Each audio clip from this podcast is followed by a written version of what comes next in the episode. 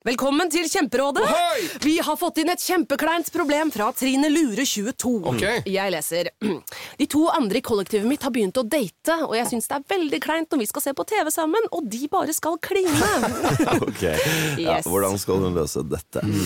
Siden Trine Lure er under 30, får hun jo ubegrenset data fra Telenor fra 399 kroner. Da Da kan hun sette seg på sitt eget rom, streame så mye hun vil på mobilen. Ja, hun kan jo se på nye mobilabonnement på telenor.no. Ja, det er lurt.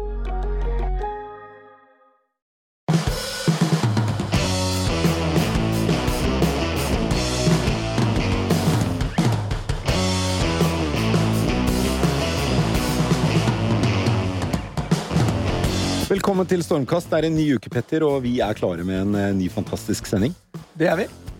Så har det vært sånn at det Storm Communication, som eh, vi jo begge eier, du en stor del av, jeg en mindre del, leverte kjempegode tall denne uka.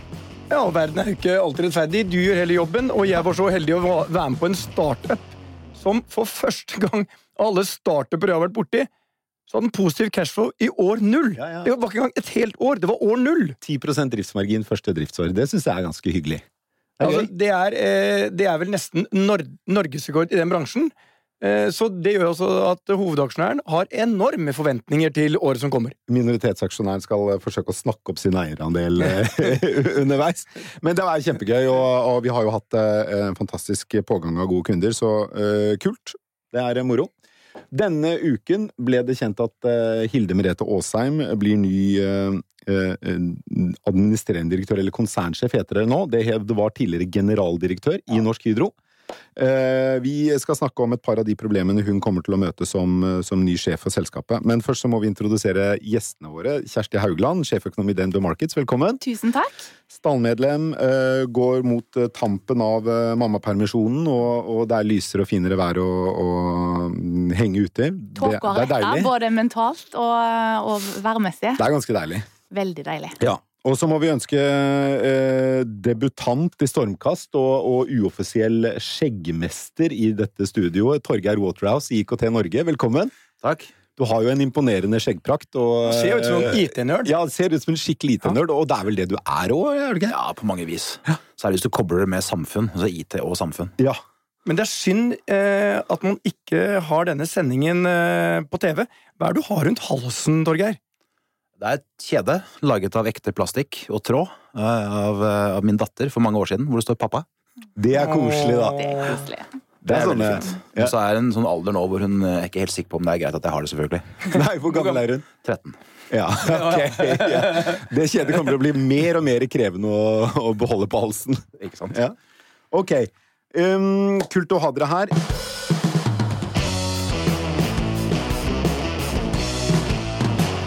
Hilde Merete Aasheim, 61 år gammel, har vært i Norsk Hydro i en årrekke. Ble ny um, eh, administrerende direktør eller konsernsjef i Norsk Hydro etter Brandtzæg. Rikard Brandtzæg er det vel han heter, som har vært eh, konsernsjef i en eh, jeg vet ikke, er det, ti, er det ti år Ja, det nå? må være Sånn cirka- Jeg synes han alltid har vært det. Han har vært der lenge, og han skulle jo egentlig til Yara, og så ombestemte han seg og ble videre i Hydro, så han er jo en virkelig sånn Hydro-mann. Eh, det valget av henne som, eh, som leder ble av mange trukket frem som et trygt og godt valg. Hun kjenner Hydro godt, hun, eh, hun eh, er en stødig leder, var liksom karakteristikken. Og så ble det litt uro da meglerhuset ABG Sundal Collier beskrev henne som lite karismatisk i en mail til noen av sine kunder. Ja, Både eh, norske og internasjonale. Ja. Et par 300 kunder. Det blir distribuert til noen av de beste kundene til ABG Sundal Collier, sånn som meglerhus hele tiden gjør. Altså, de sender ut eh, sine Men de skrev også at hun var solid. Ja, de skrev vel at hun var ekstremt dyktig på måle... Altså, hun var ekstremt målretta, tror jeg det var beskrivelsen henne. Ja. Uh, og det ble litt baluba. Og du hadde jo sterke oppfatninger om det. Altså, jeg mener det er det minste problemet i verden å si at en leder er lite karismatisk. Det handler ikke om, etter min mening, om hun er kvinne eller mann. Men øh, Kjersti, du, har det ikke, du ser det ikke helt sånn, eller? Nei, du så ansiktsuttrykkene Ja, ja, nå. Det gjelder ikke de som lytter på. Nei, men det handler jo om at eh, det spørs om altså nettopp det at lederne kan absolutt være, ikke være karismatiske, men hadde det stått i en tilsvarende analyserapport eh, den gangen Brandtzæg ble utnevnt, eh, den gangen Eldar Sætre ble utnevnt, at eh, Nå kjenner jeg ikke veldig godt til lederstilen til disse to personene, men det aner meg at de heller ikke er de største karismatikerne. da. Eh, Hadde det da stått nevnt at, eh, at de ikke hadde vært der? Det er typisk det at eh, det ligger noen ubevisste fordommer eh, som kommer fram nettopp i sånne eh, utsendinger. Kvinner må liksom ha noe ekstra hvis de skal eh, overbevist. Men er det ikke også litt relevant, da, for du har et selskap som har gått gjennom en stor krise, som på langt nær er over, i dette eh, eh, Alumina-verft, eller hva det er, i Brasil. Eh, så det er et selskap som har sett aksjekursen falle som en stein. Det er en, så, så det å Du vil ha en stødig leder som er god på mål. Du vil ikke ha en karismatiker altså, Eller ok, snudd på hodet, da. Sett at Petter Stordalen ble konsernsjef i, Ja, i i Norsk Hydro? Nei, jeg, det ville jo blitt karakteristikker av deg, Petter. En vekkelsespredikant tar over Hydro. Ja. Eh, Hvor går dette? Det hadde vært et sterkt salgssignal.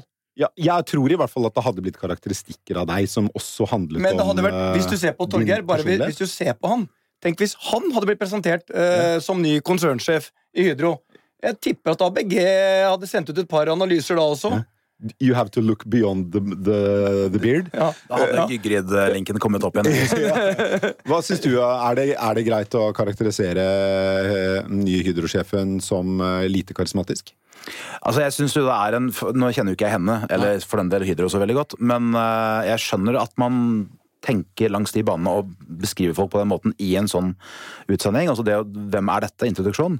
Samtidig så er det et problem, for det er nettopp det poenget. er det, Ville man gjort det om en mann? Eh, Gjerne en, en eldre mann som hadde vært respektert som leder over tid. Og jeg er ganske sikker på, eh, fordomsfull som jeg er, at det hadde ikke disse meglerne gjort. Og, og da er det et problem. Men sånn isolert sett så tenker jeg at er det, det er den type informasjon man gjerne trenger om nye ledere. Ikke sant? Så, så da blir spørsmålet mer kan vi begynne å gjøre det om menn også, eller skal vi bare gjøre det om damer? Eller for den del, når skal vi begynne å være ærlige om hva folk er og ikke er? Du, du, det, altså eh, Jeg syns det er helt innafor å si at det, det er en drit kjedelig, men jævla flink leder. Ja. Altså, Det er jo ofte er- den type ledere du ønsker, og spesielt i et sånt selskap som Norsk Hydro. Ja. Og når du ser på Myklebust og Rikard Brandtzæg, og det er jo jevnt over ledere med lite karisma, men ekstremt dyktige.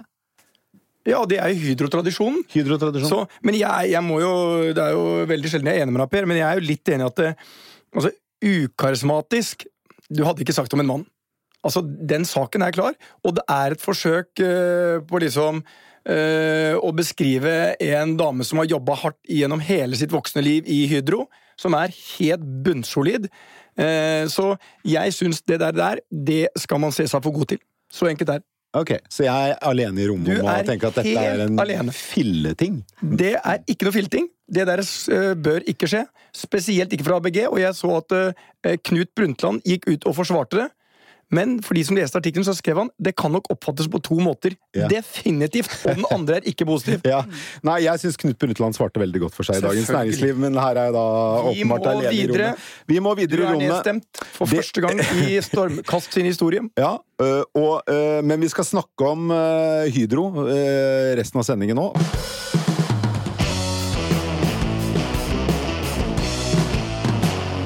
Denne uken så ble jo Hydro hacket, øh, med den konsekvens at øh, øh, noen av fabrikkene deres ble stengt ned, mens andre går jeg vet ikke om de går på halv maskin, men de går i hvert fall uten at datateknologien er involvert i det hele tatt i produksjonen av aluminium. Um, og det er jo superinteressant, så vi må snakke litt om det. Torgeir, eh, dette er jo ditt eh, fagområde.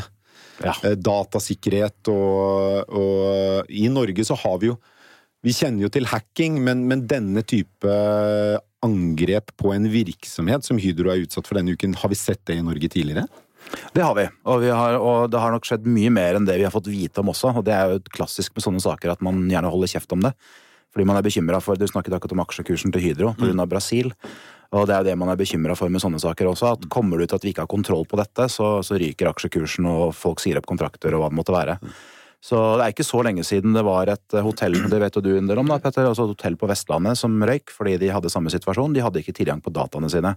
Så de visste jo ikke når folk skulle komme og bo der, når folk skulle forsvinne. hvem Så de gikk rett og slett over ende på grunn Ja. av dette? Okay. Et lite frittstående hotell. Og, og dette er jo en, eh, en trend som vi ser, som kalles ransomware. At man tar dataene som gisler, og så får du ikke tilbake dataene dine før du betaler.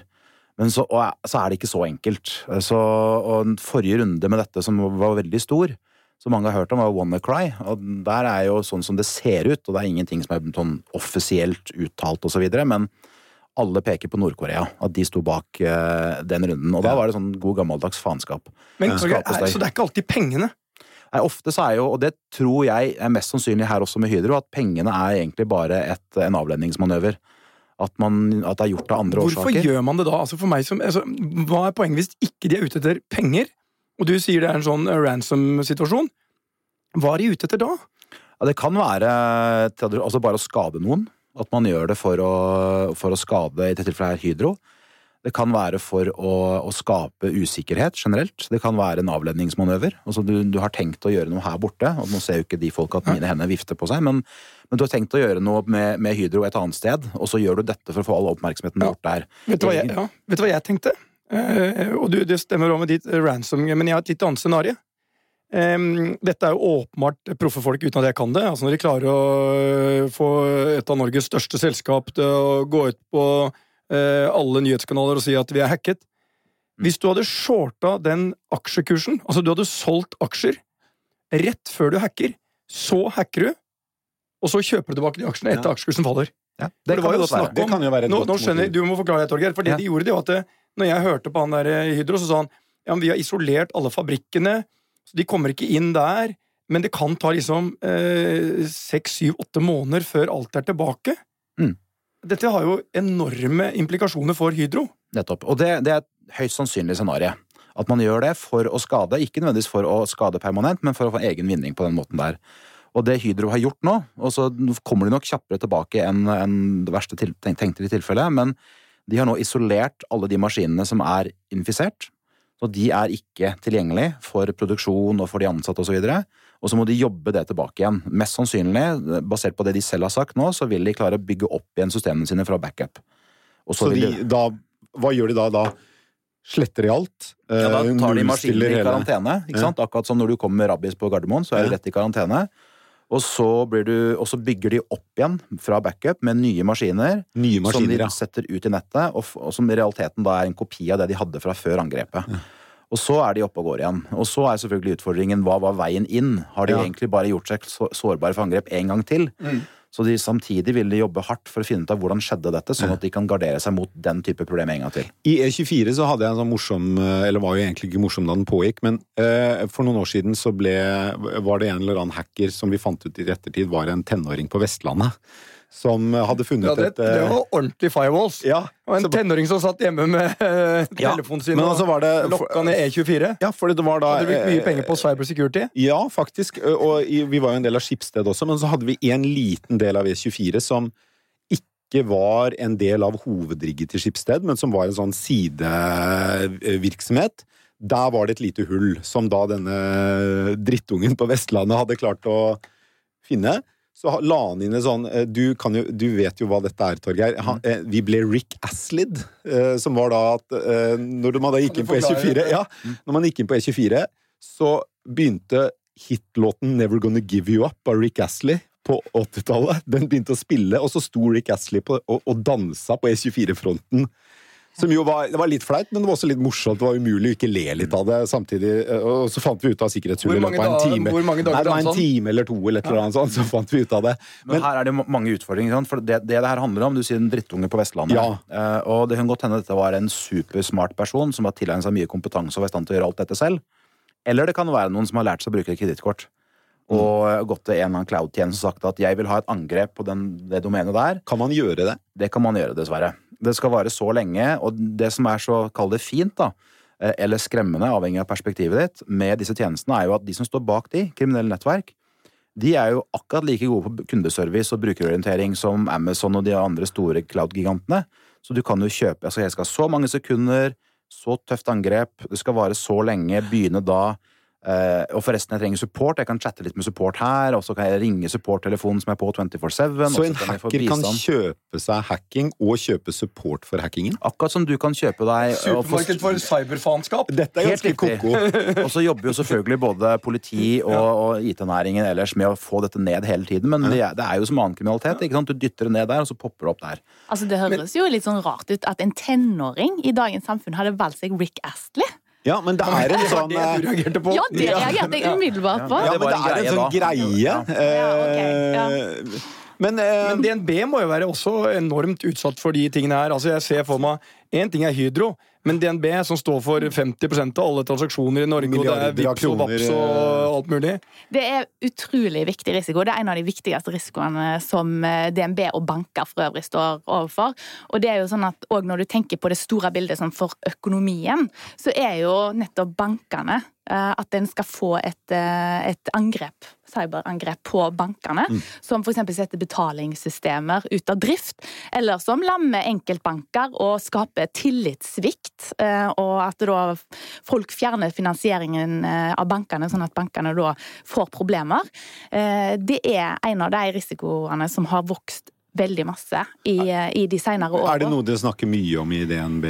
Det er kjempemasse fokus på det i Ja. DNB, og vi har jo en egen, eh, en egen del av eh, konsernet som jobber selvfølgelig hele tida for å forebygge og for å kjempe mot eh, sånne trusler. Og vi selvfølgelig går vi gjennom eh, opplæringsprogram som eh, sikkert veldig mange andre ansatte, der vi nettopp eh, Altså dette med kulturen, datasikkerhet, eh, at vi blir Det er jo gjerne sånn Er det Det er sånn? er, jeg tenkte på det Vi åpna akkurat Clarence Hub. Eh, og der, det er altså sannsynligvis et av Europas mest sånn high-tech hotell. Og eh, det var en som sa til meg jo smartere vi gjør det, Petter, jo mer sårbar blir du. Og vi, vi hadde tenkt på alt. Altså, for alt er sammen. Du bruker mobiltelefon til å sjekke ut og inn, og alt henger sammen. Og vi hadde altså, vi kunne, Hvis det ville skje et sånn angrep som eh, du beskrev, så kunne vi flytte først til den og gå på en alternativ greie. Det, altså, det her var liksom, De hadde fi, fem firewalls, eller hva det heter for noe. Altså sånne som skal, eh, Før de kommer inn, og da kan vi flytte. og Vi kunne kjøre fra Stokk... Altså 10 000 ting. Eh, så skjer det Vi hadde tenkt på alt. Men helvete brøt les løs ved en vannlekkasje som slo ut det elektriske anlegget. Og disse tingene tenkte vi på når vi bygde hotell i gamle. De må passe på å legge tekken der, så ikke den blir utsatt for Men det var det eneste vi da ikke hadde tenkt på. Slo ut elektriske anlegget. Slo ut wifien. Så vi hadde ikke nettilgang. Var det ikke Og, sånn? og, da, da, Ja. der, der, Og altså, dette var jo om mens de første gjestene sjekket inn. Vi hadde inn. 1000 stykker som skulle inn i konferansehallen, og vi skulle ha 1000 som sjekker inn. Da, men da har du en sånn Torgeir-dude der. Vet du hva han sier for noe? Altså, Alt er nede. Det er det verste scenarioet. Vi hadde ikke sett det scenarioet. Vi hadde sett alle andre scenarioer. Det hadde vi ikke sett. Vi åpna nesten 200 hotell. Og dramatikken er sånn at det står kø på utsiden, og det er ikke mulig å sjekke det inn. Altså Alle de gamle backup-systemene med sånn selv for kredittkort, så kan du dra Så er det én sånn smart tech-dude, en Torgeir Light, som sier bare Vi går over på 4G-en. Sånn, vi logger oss, de logger dere direkte inn på appen vår. Så går vi via den og sjekker inn folk. Men, ja, men kunne man gjøre det på hotellet? Det, det, gjorde, det, var, det, det var det eneste Det var de sånn man hadde. kunne Så, det, så, så altså, mobil, de brukte bare mobiltelefonteknologien til å løse det. For de som ikke kunne gjøre det selv. Så, så, Og det, akkurat det der er jo det som vi ser i mange store kriser, at det er en sånne enkle andre varianter som ingen har planlagt for, som faktisk blir redningen. Ja. Og det største eh, eksempelet fra nyere tid på akkurat det der, og som henger direkte sammen med hele Hydro-angrepet, er Mersk Rederier. Ja. I 2017, juni-ish i 2017 så ble de angrepet av noe lignende som det som Hydro opplever nå. Og de ble offer rett og slett fordi de ikke hadde, de hadde ikke tatt fornuftige beslutninger. Du beskriver hvordan man i DNB har dette høyt på agendaen hele tiden. Og det er problemet mange steder, at man ikke har det. Og så går det til helvete, for å si det noen forsiktig. Og det som skjedde med Mersk, var at de ble offer for et ransomware à la det Hydro eh, opplever nå. Uh, og, og bakhistorien der er ganske fascinerende. Jeg nevnte Nord-Korea i stad. Og Mersk ble ramma av en, en, altså en, videreutvikling av det som traff eh, traff med WannaCry, som het NotPetia. Mellom der så kom Petia, så det er logisk selvfølgelig at den neste heter NotPetia.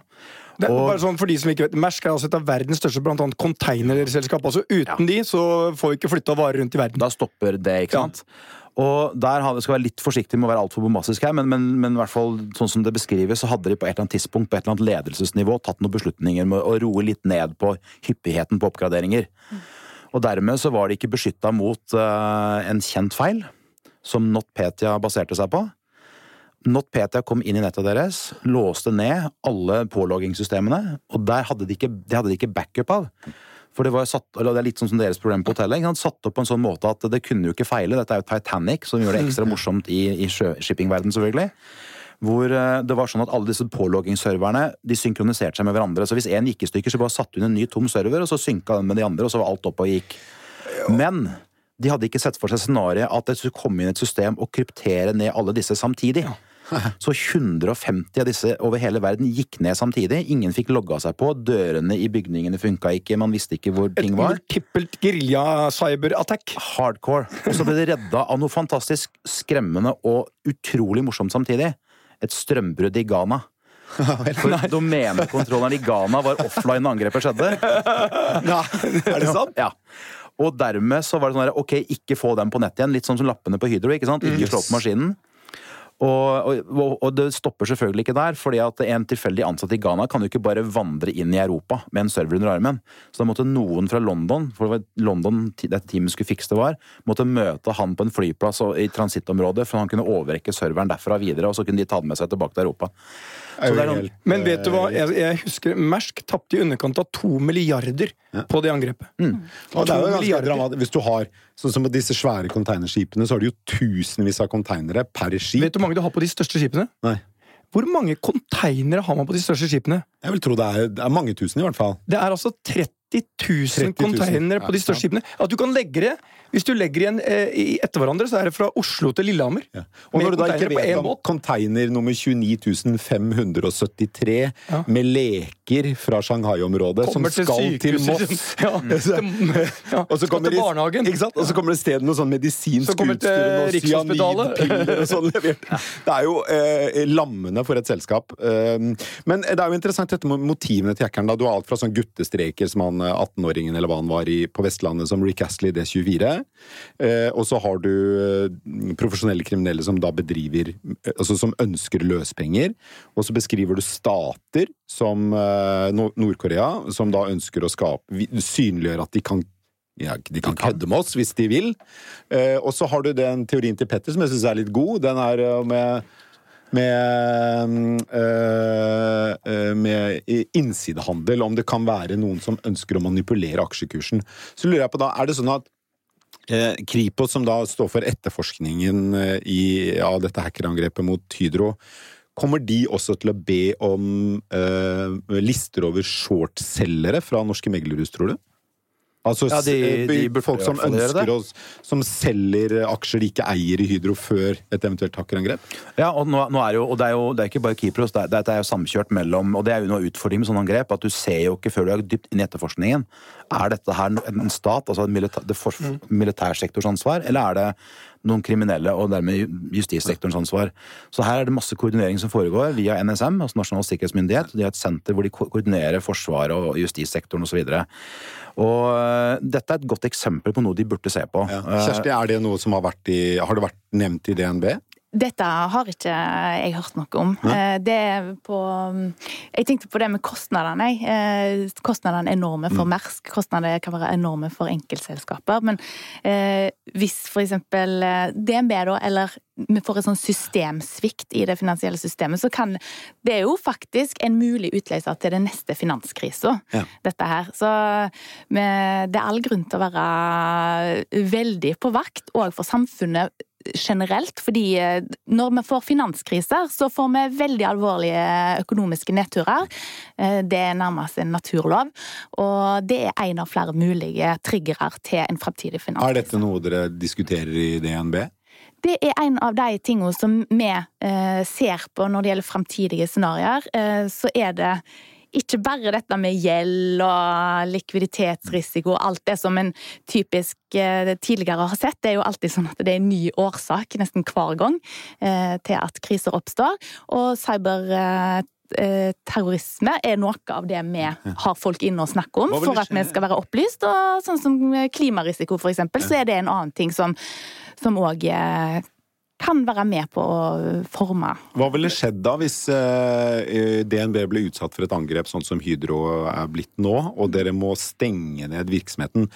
Får det den konsekvens at vi kan ikke kjøpe varer, vi kan ikke betale regninger? Ja, altså Ytterste konsekvens, hvis et betalingssystemet, som òg DNB er en del av, blir ramma, det er jo kanskje noe av det verste vi kan se for oss, så stenger jo masse av samfunnet sin virksomhet ja, ned. Det er jo rett og slett Altså, stopper helt opp.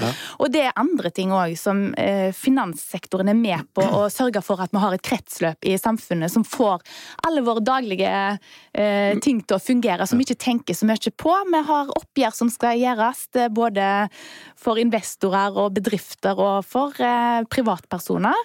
Vi har eh, kreditt som skal gis, eh, vi har penger en skal låne ut, og så og så hvis dette da fryser, hvis en ikke klarer å, å faktisk utføre eh, det en skal gjøre i den daglige drifta i en bank, så det jo, kan det jo potensielt bli systemfarlig.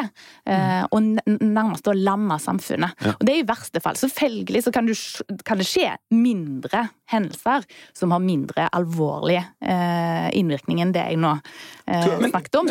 Men, men Det har potensial til å bli skikkelig alvorlig. Men, men det er en ting, men hvis du beveger deg over et litt annet område Nå er det et fly som gikk ned, øh, og da sa den amerikanske presidenten det har blitt for avanserte. Piloter flyr ikke lenger. Men er det en teoretisk mulighet for at du kan hacke deg inn på, et, øh, på disse maskinene som styrer fly? Ja, altså alt som er på nett. Jeg skal ut og fly nå med en sånn A380 som jeg vet kan både ta og lande uten at uh, det trenger å sitte noen pilot foran der. Altså, hvis, hvis flyet er på nett, så ja. Men så kan det gå mange år tilbake. Eh, vi vet jo at eh, det var tidlig 80-tallet så, så avslørte vestlig etterretning at Sovjetunionen hadde utvikla IT-systemer, eller virus, da, forenkla sagt, til å angripe styringssystemer i industrien. Det kan være noe à la det som har ramma Hydro nå. Og, og ikke så lenge etterpå, eller 90-tallet, så så klarte etterretningstjenester fra USA og Israel å plante et virus i, inni i et offline iransk atomkraftverk. Og få det i spredning der. Og de ble det het, uh, står helt stille hva det het, men det spredde seg etter hvert til resten av verden, det viruset. Og, og, det, er- og det er jo det som Var det er tanken nå, eller? det, Tanken var nok at det skulle være inni der bare, men det er klart at det er en logisk business når du tror at du kan slippe løs noe som er laget for å spre seg selv. Dette er som et ebolavirus. Altså, I mitt neste liv så skal jeg få din jobb, Torgeir, for dette er jo helt utrolig spennende. Det er kjempegøy og veldig skummelt. Og det som er interessant her, er jo at eh, du har, som du er inne på, dette med finanskrisen, så tenker jeg at det er jo ingenting. Hva kommer etter ordentlige finanskriser? ikke sant? Da får du kriger.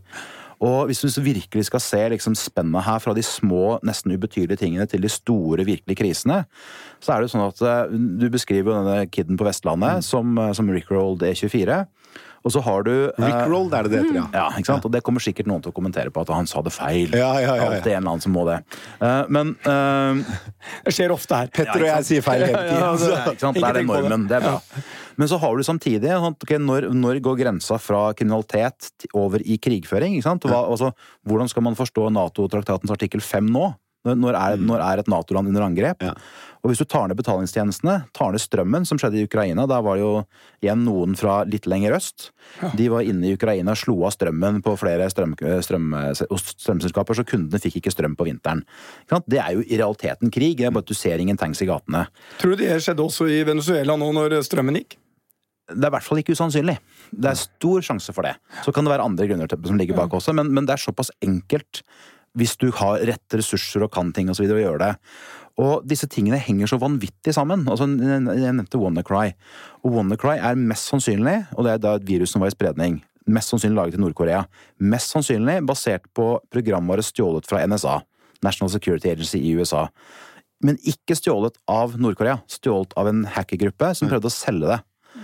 Og, eh, og en av de store utfordringene etisk og juridisk og så videre, er nettopp hvordan opererer myndighetene. Fordi den programvaren som NSA hadde, den var laget for å utnytte det vi kaller zero day. Og zero day er, det er navnet på sikkerhetsfeil som ikke er kjent offentlig. Altså, og vi må navngi sikkerhetsfeilen ut fra hvor lenge den har vært kjent offentlig. Men som er kjent av Ja, sikkerhetsmyndighetene. så for De leiter jo hele tiden etter det, som da de kan utnytte. Og så sier de at det er ikke farlig at vi har det, for vi skal passe på løsningene våre for å angripe det. Så da, da kom det i spredning, fordi hackergruppen prøvde å selge den, fikk ikke solgt det, så de bare slapp det på nettet. Så var det noen som begynte å lage ting basert på det. Og så spredde det seg. Og WannaCry det tok jo ned masse selskaper verden over, for de hadde ikke oppdatert systemene sine. Så du har på en måte Nord-Korea som sitter og tenker nå skal vi lage faenskap i verden. Og den beste medisinen mot det for alle oss er at vi har trykka på Windows Update. At du ikke har masse uoppdaterte apper på telefonen din. Men jeg har, siden jeg har bare behov for én ting. Vi har noen sånne tech-duder. Vi har et svært altså, hotellbransjen altså, vi har et svært tekstselskap, sikkert 70-80 programmerere og masse greier. Og der er det noen av de som taper over den der filmsaken sin på, På PC. PC-en, PC ja. På kameraet, ja. ja. Er, dette, er det noe du gjør?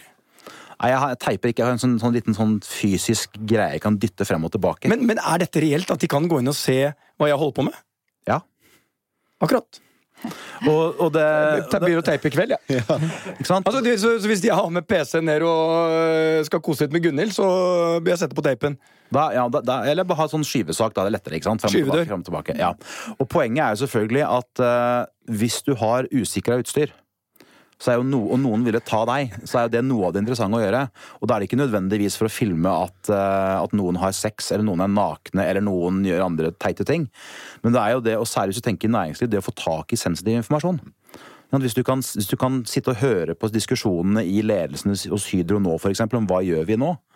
Eh, hvis du kan sitte og høre på diskusjonene i, eh, i, i oljefondet eller i Norges Bank eller regjering, regjeringsforhandlingene nå, så er det selvfølgelig superinteressant. Det er jo òg for bankene sin Ja. del. Altså, vi, snakker, vi tenker på at betalingssystemer blir, eh, blir tatt ned og den type angrep. Men, men det er jo nettopp det at informasjon er jo dagens store store altså det, som, det, det er det som gir makt. Og det, for bankene òg er det jo helt ekstremt viktig og en veldig konkurransefortrinn for oss hvis vi nettopp klarer å vise oss kundene verdig nettopp den tilliten som banker har eh, sammenligna med andre typer operatører som nettopp håndterer sånne data knyttet til det. eh, Det er, det er bare ganske interessant. Informasjon er makt.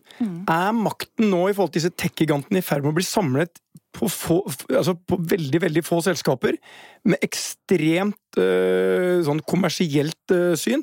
Hvis du ser på størrelsen av liksom, Apple eller Google eller, eller Alphabet, eller hva det heter nå, så er de på størrelsen med oljefondet. Eller Amazon. Um, sånn, er det Ser du noen trusler der, Torgeir? Ja, det er det jo absolutt. Sånn som det er med all, alle sektorer hvis noen blir for store. Og, Ja, men disse er, jo, ikke, de- er jo ufattelig store. Ja, og det er derfor hun Warren nå begynner å snakke om å splitte opp, eksempel. Ja, men du har jo risiko på er flere nivåer. ikke sant? Du har, ja, du har konkurranseutfordringer som bare, kan si, bare handler om konkurransen i et marked eller noe sånt. Og så har du selvfølgelig informasjonstilgangen. Altså hva er det man sitter på informasjon, og hvordan får man tilgang til den, og hvordan kan den brukes? Som egentlig ikke er noe annerledes enn at banken kan se, hvis de jukser med reglene, kan se hvor jeg bruker pengene mine. Men at disse bare bruker pengene på barer seint på natta. Eh, Er det, er det sikkert han skal få jobb eller få lån, eller hva det måtte være. Og, og sånn er det jo her òg. Og, det- å ha eh, regler for hva informasjonen skal kunne brukes til når, er jo helt avgjørende. Og så blir jo spørsmålet hva gjør du når du har selskaper som er på tvers av landegrensene, og som ikke det enkelte lands myndighet nødvendigvis kan overprøve Nettopp. eller gå etter.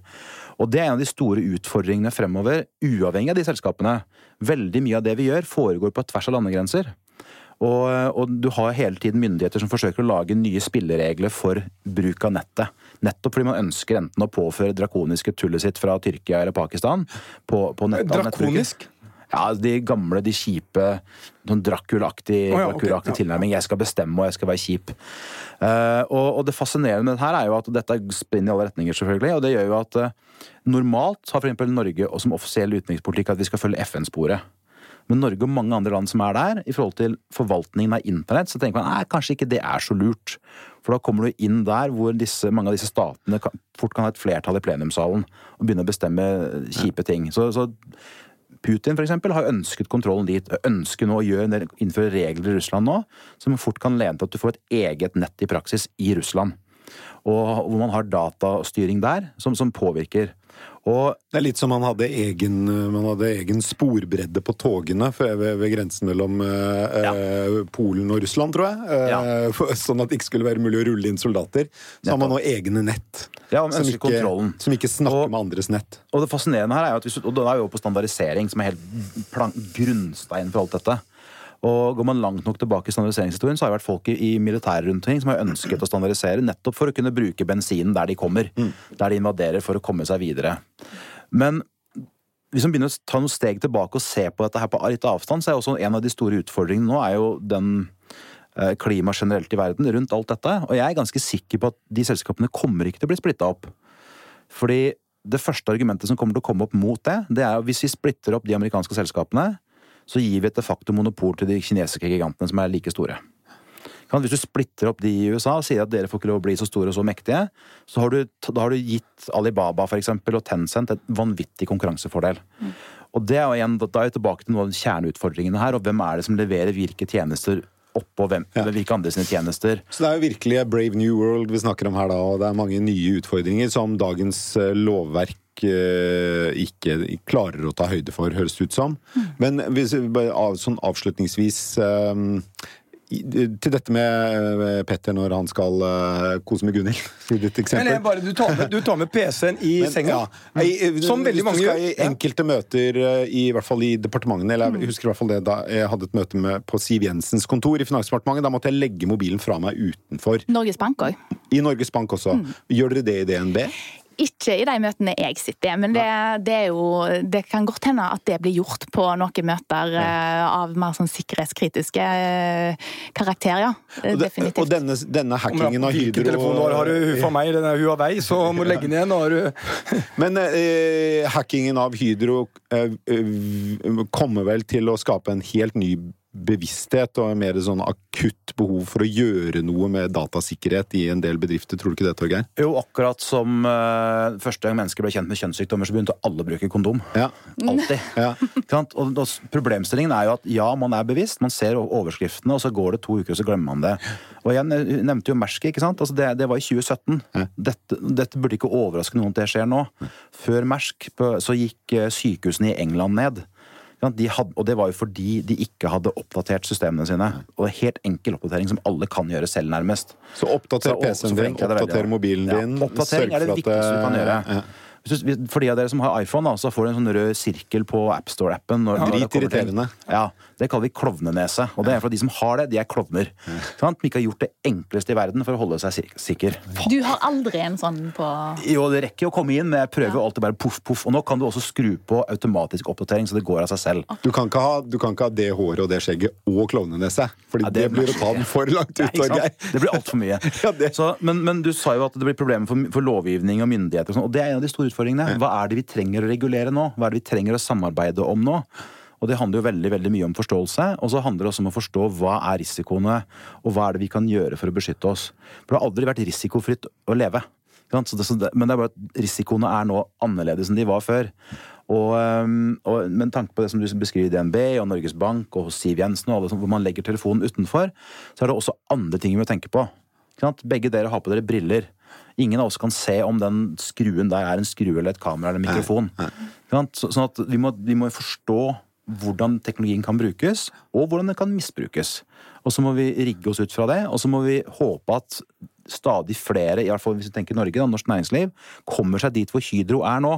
Hvor de faktisk sier på dag én etter angrepet vi har backup, vi kan bygge oss opp igjen fra.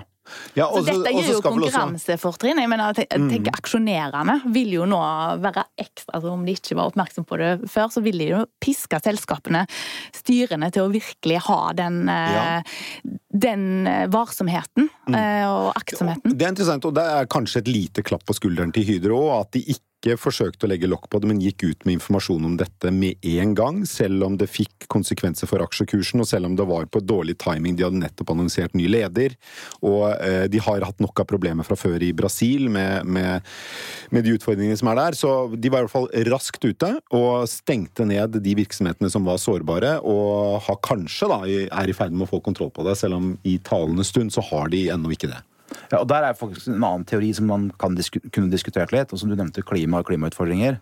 Det kan jo være noen i Brasil som, Ja. eh, eller miljøforkjempere som på et eller annet vis nå har angrepet Hydro som en konsekvens av det som skjedde i Brasil. Ja, og hvis man skal forfølge den konspirasjonsteorien, så kom det jo i dag, altså dagen etter hackerangrepet, så kom det jo nye krav fra en sånn uh, halvoffentlig instans om mer penger fra Hydro for å støtte lokalbefolkningen. Ok, vi skal ikke forfølge den for mye. Vi må, mange vi må teorier, men eh, det er vel ingen grunn til eh, at vi skal eh, være negativ til innføring av ny teknologi. Og, for det er jo fantastisk hva den har gitt oss, Torgeir. Altså, I dag har vi pratet bare om alle de ting som er, eh, kan ramme oss og som er fælt. Men summa summarum, det er jo helt fantastisk at vi lever i en verden og all den utviklingen som skjer. Alt som skjer. Syns du ikke det? Jo, det er helt, det er helt fantastisk, og, er, og vi skal gjøre mer av det, men vi må bare vi må bli smartere når vi gjør det, og ha de rette diskusjonene. og stille oss sånne, ti- enkle spørsmål. Hvis du er i ledelsen av Nå har Hydro sikkert masse gode diskusjoner nå, og har hatt det før, tydeligvis. Men hvis du er ledelsen i en bedrift, hvis du er politiker som tar beslutninger, hvis du sitter i et styre eller vurderer å putte penger inn i et selskap Dere snakker, åpne dere med å snakke om at det går bra. Eh, eh, ikke sant? Men, eh, men hva, hva med å begynne med spørsmålet forstår jeg teknologien? Forstår jeg konsekvensen av teknologien? Men der er svaret på Mersk, ser du. Jeg tipper gjennomsnittsalderen i 2017 i styret og ledelsen i Mersk tipper jeg var mellom 80 og døden. Eh, og Mersk McKinney, når, når gikk han av? Han gikk vel av når han eh, var eh, 97 eller noe. Så det er klart, fokuset de har, er også helt feil. Vi fikk inn mange unge mennesker, og eh, noen sånne som deg, kanskje ikke helt ditt nivå, men altså temmelig nære. Og de lærte oss veldig mye om hva vi måtte gjøre, og hvordan vi måtte tenke. Og jeg så bare enorme muligheter. Men, og det var eh, tilbake til det, eh, skal du ligge i fremste rekke, så er du også mer sårbar. Og du må ha mer fokus på det. Men fy fader, så spennende! Ja, ja. Og problemet er jo ikke at det er risikoer med noe man gjør. Problemet er at man ikke gjør noe for å redusere risikoen. og være stand til å håndtere den. Og hvis vi ser, sammenligner det vi gjør nå med ny teknologi, det som gjerne får ordet smart foran, så, og ser, på, ser mot bilhistorien, så kan vi diskutere okay, hvor langt ut i bilhistoriens uh, utvikling er vi. Er vi fremdeles der hvor bilen bare var en planke med fire hjul på et ratt på en stang? Og folk satt oppe på en stol, eller er vi, begynner vi å nærme oss at vi fikk bilbelter og, og sikkerhets, sikkerhetssystemer på så frontruta spratt ut og doble sånn bremse, heter det, sånne bremseveskekanaler og sånn? For, for, Hvor er vi, Jeg, jeg, jeg er redd for at vi fremdeles er på svart-hvitt-bildene, Mm. hvor det er menn med hatt som kjører bilen, uten at det er noe, noe rundt stolen de sitter på. Ok, Bra. Vi, eh, vi må videre til ukas bær, Petter. En bratt overgang.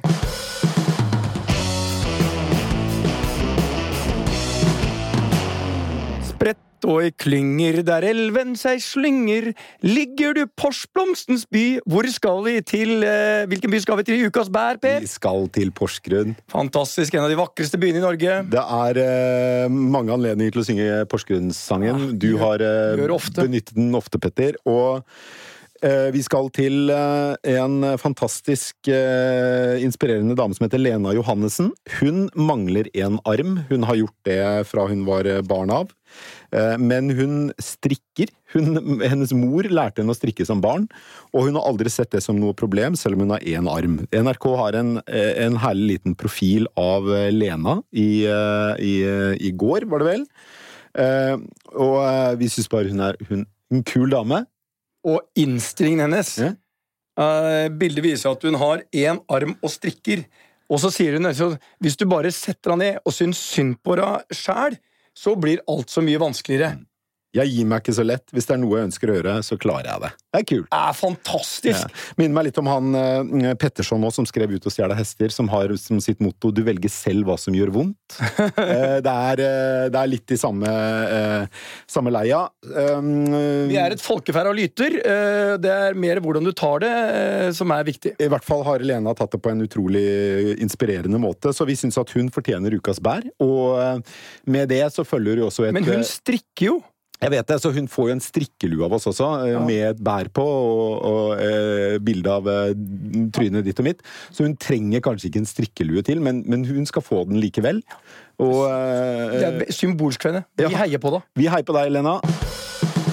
Tusen takk skal dere ha for at dere har eh, hørt på oss eh, nok en uke. Holdt ut med Porsgrunn-sangen og, og våre mer eller mindre Bekymringer om eh, hva IT kan gjøre med fremtiden. Ja. Og ikke minst, tusen takk til dere fantastiske gjester. Kjersti Haugland, eh, Stormkast-stallmedlem. Eh, godt å se deg igjen. Og Torgeir Waterhouse, eh, direktør i IKT Norge. Du er jo direktør for internett og nye medier, så har vi gitt din fulle tittel også. Takk for at, eh, at dere stilte opp. Truls Johansen har produsert sendingen, og så høres vi igjen neste uke. Det gjør vi. Velkommen til Kjemperådet! Yes. Denne gangen har vi fått inn et kjempedilemma fra en familie. Okay. Jeg leser Hei, vi er litt uenige i familien her. Mm. Hvis du skulle vært et dyr, ville du hatt gjeller eller vinger? Oi, den er tricky. Ja, hva ville dere hatt da? Altså, jeg vet ikke, men Med familierabatt får de ubegrenset data fra Telenor fra 399 kroner. Da kan de jo scrolle seg til svaret, rett og slett. Ja, ok, Men for min del Ja. gjeller. Nei, nei, Gjeller? Nei. nei, vinger. Nei, nei, Ja, gjeller. ja, kjempebra. Men eh, se nye mobilabonnement på telenor.no.